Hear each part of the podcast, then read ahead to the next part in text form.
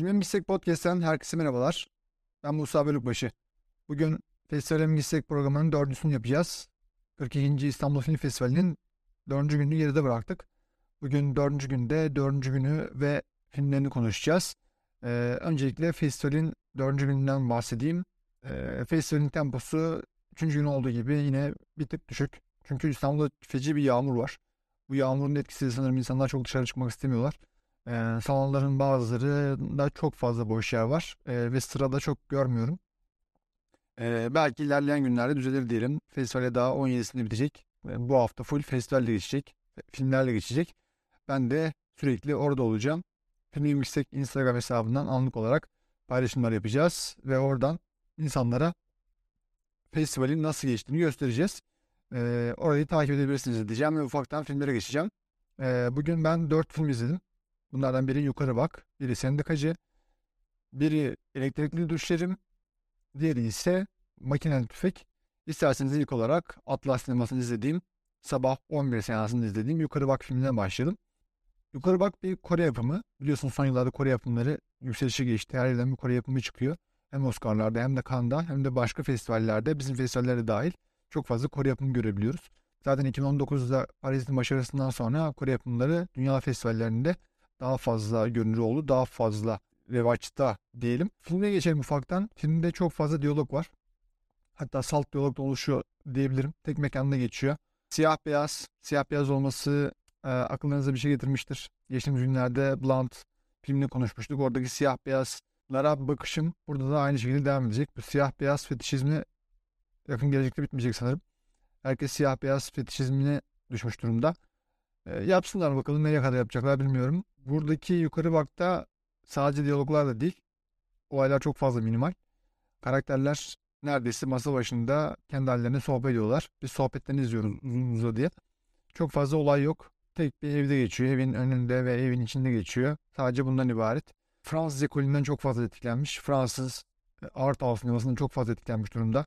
Zaten Kore'deki bu Fransız ekolüne etkilenme durumu onlara büyük kaybettiriyor bence. Olmuyor yani. Sizin kendinize ait bir sinema diliniz var. Yıllardır yarattığınız, emek emek yarattığınız bir sinema diliniz var. Fransız ekolünün şeyi olmuyor yani Kore sinemasına. Geçen sene birkaç tane daha film izlemiştim böyle Kore sinemasının Fransız ekolüne benzeyen, Fransız art house'una benzeyen. Olmuyor yani. Sakin duruyor. Ya o yönetmenler yapamıyor. Ama farklı farklı yönetmenlerden bahsediyorum. Ama olmuyor bence. Fransız ekolü biraz Kore sinemasını zehirliyor gibi. Ee, filmden maalesef memnun ayrılmadım ben. Hatta ara ara uyuklamış da olabilirim. Seyirciden duyduğum kadarıyla da yani çıktıktan sonra film önünde sohbet ederken seyirciler de çok fazla memnun ayrılmamışlar. Hem çok fazla minimal olması, hem siyah beyaz olması, hem de çok fazla diyalog içermesi. Böyle olunca da e, filmden geçer not veremiyorum maalesef ben kişisel olarak. E, geçelim diğer filmimize. E, Sendikacı diğer filmimiz. Bu filmin aslında günün yıldızı diyebilirim. Bir kere Isabella Huppert var. Biliyorsunuz kadına aşığız. Yani aşık olmasak da büyük hayranıyız.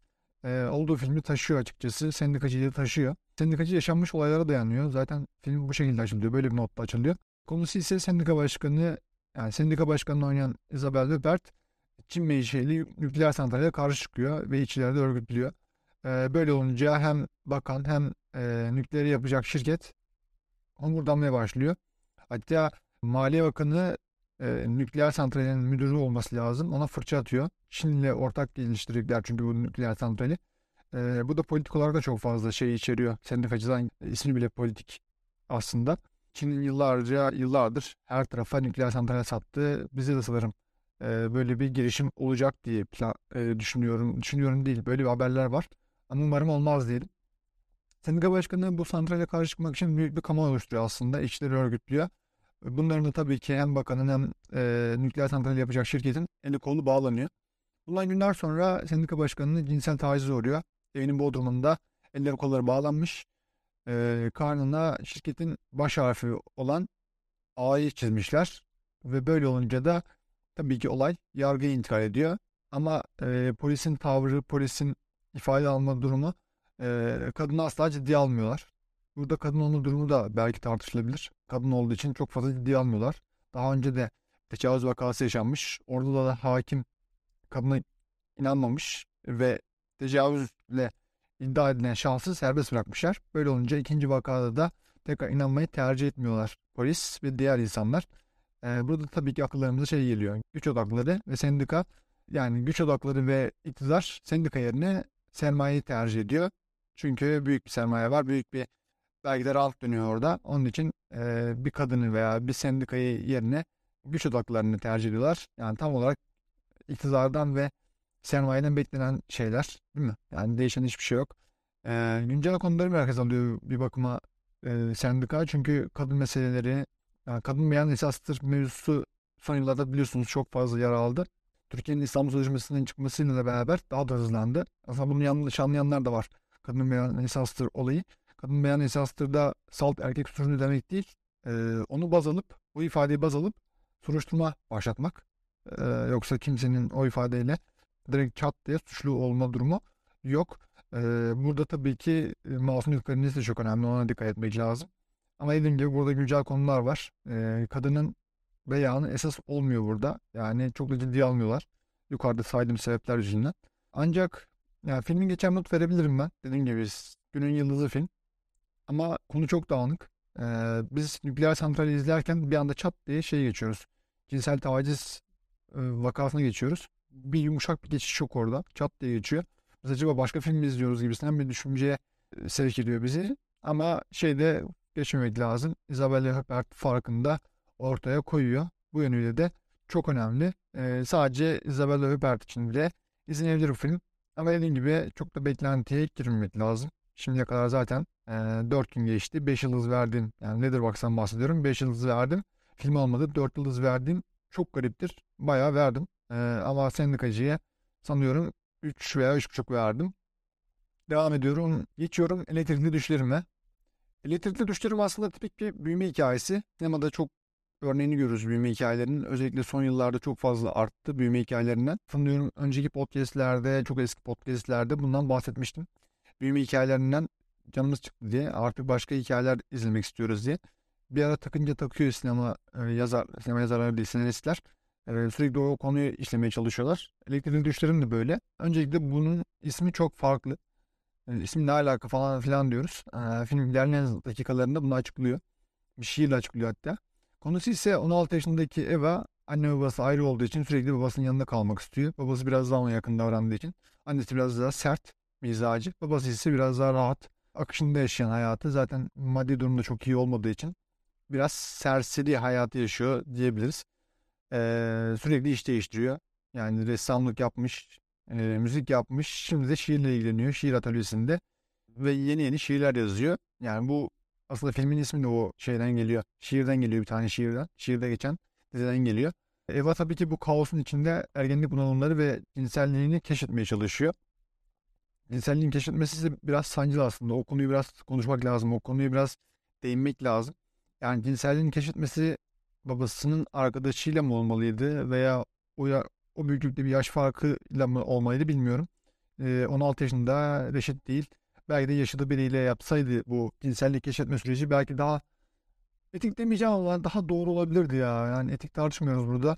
E, çünkü en azından iki tane reşit olmayan insanın ilişkisini izlerdik biz orada. Çok da e, doğru olduğunu düşünmüyorum ben. Babasının arkadaşı, babasının yaşında biriyle e, ilk cinsel deneyimini yaşıyor. Bence gereksiz. Filmin sadece belki de e, sorunlu tarafı o. Girişte söylemiştim. Konusu çok farklı değil filmin. Çok alışılagelmiş bir konu var karşımızda baba kız ilişkisini sevgiden ziyade şiddet üzerinden kurması güzel. Normalde sıcak bir büyüme hikayelerinde baba kız ilişkisi izleriz ve arkadaş gibi izleriz. Ee, tabii ki en son biliyorsunuz After Sun'da bunu izledik. Baba kız ilişkisinin tam bir arkadaş ilişkisi vardı orada. Ama burada arkadaşlıktan ziyade bir şiddet üzerinden kuruyor. Sürekli birbirlerine şiddet uyguluyorlar. Yani babası Eva'ya vuruyor. Eva başka bir şey yapıyor babasına falan. Ee, sürekli bir şiddet, bir küfürleşme hali, hırgür çıkarma hali var filmde. Ama dediğim gibi bu baba kız arkadaşının altı biraz boş. Yani o sıcaklık hissedemiyoruz biz. Tamam şiddet üzerinden kuruyor ama şiddet üzerinden kursa bile biz çok da ikna olmuyoruz o ilişkiye. Babayı belki de çok az tanıyoruz. Yani Eva'yı tanıyoruz. Eva'ya sürekli tanıklık ediyoruz ama mesela annesi bile daha ikna edici. Annesini de daha çok tanıyoruz ama babayı tanıyamıyoruz biz. Babanın köşeleri belli değil. Çok yuvarlak. Biraz daha köşe gerekiyordu belki de karakterine. Babanın net sevgisini göremiyoruz. Yani Evan'ın sevgisi besbelli. Özellikle babasının yanında rahat davrandığı için öyle ama e, babasının ona olan sevgisini net şekilde göremiyoruz. Diyeceksiniz ki acaba öyle bir karakter mi çizilmiş? Yani öyle bir karakter çizilse bile bizim seyirci olarak ikna olmamız lazım. İkna olamıyoruz. Diyeceğim ve ufaktan son filmimize geçeceğim. Son filmimiz Makinalı Tüfek. Filmin ilk olarak şunu söylemek lazım. Gereksiz uzun. Tam 122 dakika film. Bu filmin hakkı yine maksimum 100 dakika. Özellikle 2022 ve 2021'deki filmler çok fazla uzun. Yani 2 saatin altında olan film neredeyse yok. 2 saat, 2,5 saat, 3 saat, 3 saat geçen filmler var. Yani bu süre bolluğu neye borçluyuz bilmiyorum. Sanıyorum stream platformlarına borçluyuz. Dijital platformlar çıktığı için süre sınırı çok rahat. Sinemalarda böyle bir şey yapamıyorlar tabii ki. Seanslar şey olduğu için, dolduğu için seansları kapatamıyorlardı. Bloklayamıyorlardı. Ee, böyle olunca da sanıyorum süreyi uzatıyorlar. Ee, ama yapmayın. Yapmayın bu sündürmeyi. İnsanların zamanı değerli. Daha fazla şey görmek istiyorlar. Daha fazla şey izlemek istiyorlar. Başka bir şey yapmak istiyorlar. Başka bir şey okumak istiyorlar. Belki dışarı çıkacaklar. Yani bu kadar uzun olmasının anlamı yok. Bu sürelerin makul seviyelere çekilmesi lazım. Türk dizisine döndü sinema sektörü. Ee, uzun uzun süreler, uzun uzun e, filmler yazılıyor, çiziliyor. Gereksiz, gerek yok buna. E, filme geri dönelim. Konuyu çok fazla dağıtmadan. Filmin bir saatte aslında ilk bir saatte ne oluyor anlamıyoruz. Yani ne oluyor diye izliyoruz filmi. Her şey çok gereksiz gibi duruyor. Yani askerler var. Bir tane komutan var. Angola'da var. Sürekli birilerini öldürüyorlar. E, beyaz adam, siyah adam. Ya, tipik Avrupalı'nın veya şeyin e, Batılıların Afrikalı insanlara bakışını görebiliyoruz. Ama ilerleyen zamanlarda film ikinci yarısında aslında derdini belli ediyor ve çok kaliteli bir şekilde belli ediyor. E, yerini çok güzel bir yerden açıyor. Filmin konusu genel olarak şöyle. Angola'nın bağımsızlığından bir yıl önce bir grup Portekiz asker e, Angola'da yerel halkı öldürüyor. Bunu da vatanlarını kurtarmak için yaptıklarını savunuyorlar. Yani en azından başlarındaki albay onlara onu söylüyor. Ve yıllardır o ormandalar. Dış dünyayı bilmiyorlar. Ya karşı cinsi bilmiyorlar. Ya başka herhangi bir şeyi bilmiyorlar dış dünyaya karşı. Ee, filmin ilerleyen dakikalarında öğreniyoruz ki albay askerleri küçük yaşta kaçırmış ve onları askeri yapmış. Çünkü onlara olmayan bir dünya yaratmış albay. Yani onlar vatanlarının savunduklarını düşünüyorlar. Dış dünyayı bilmiyorlar. Öyle olunca kör olmuşlar. Şey olayı vardır ya metaforu. Körler ülkesinin tek gözlü insan kraldır. Tam olarak böyle bir şey. Oradaki tek gözlü kişi albay. Diğerleri hiçbir şey bilmiyor. Dünya onlar için kapkaranlık. O karanlık dünyada tek göz olan albay onlara dünyayı tanıttığını sanıyor. Filmin de en kilit noktası zaten burası. Film milliyetçiliği ve militarizmi zehirli bir iksir olduğunu altını çiziyor aslında. Ee, bize olmayan bir düşman yaratıyor. Olmayan bir düşmanla savaşmamızı söylüyor.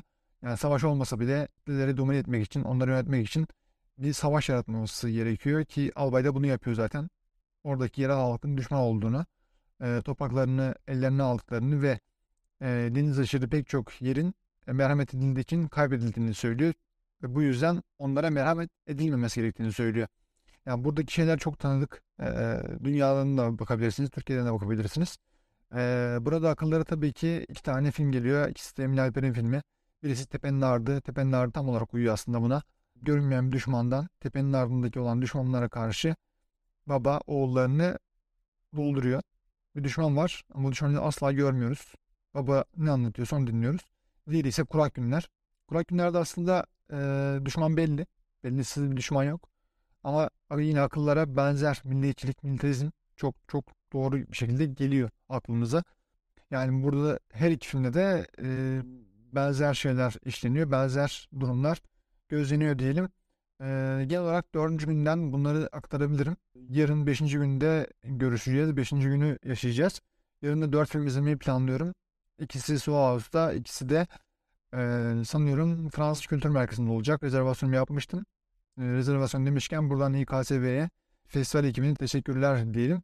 Ve ufaktan programı toparlayalım. Yarın beşinci günün özetinde görüşmek dileğiyle. Kendinize iyi bakın. İyi geceler.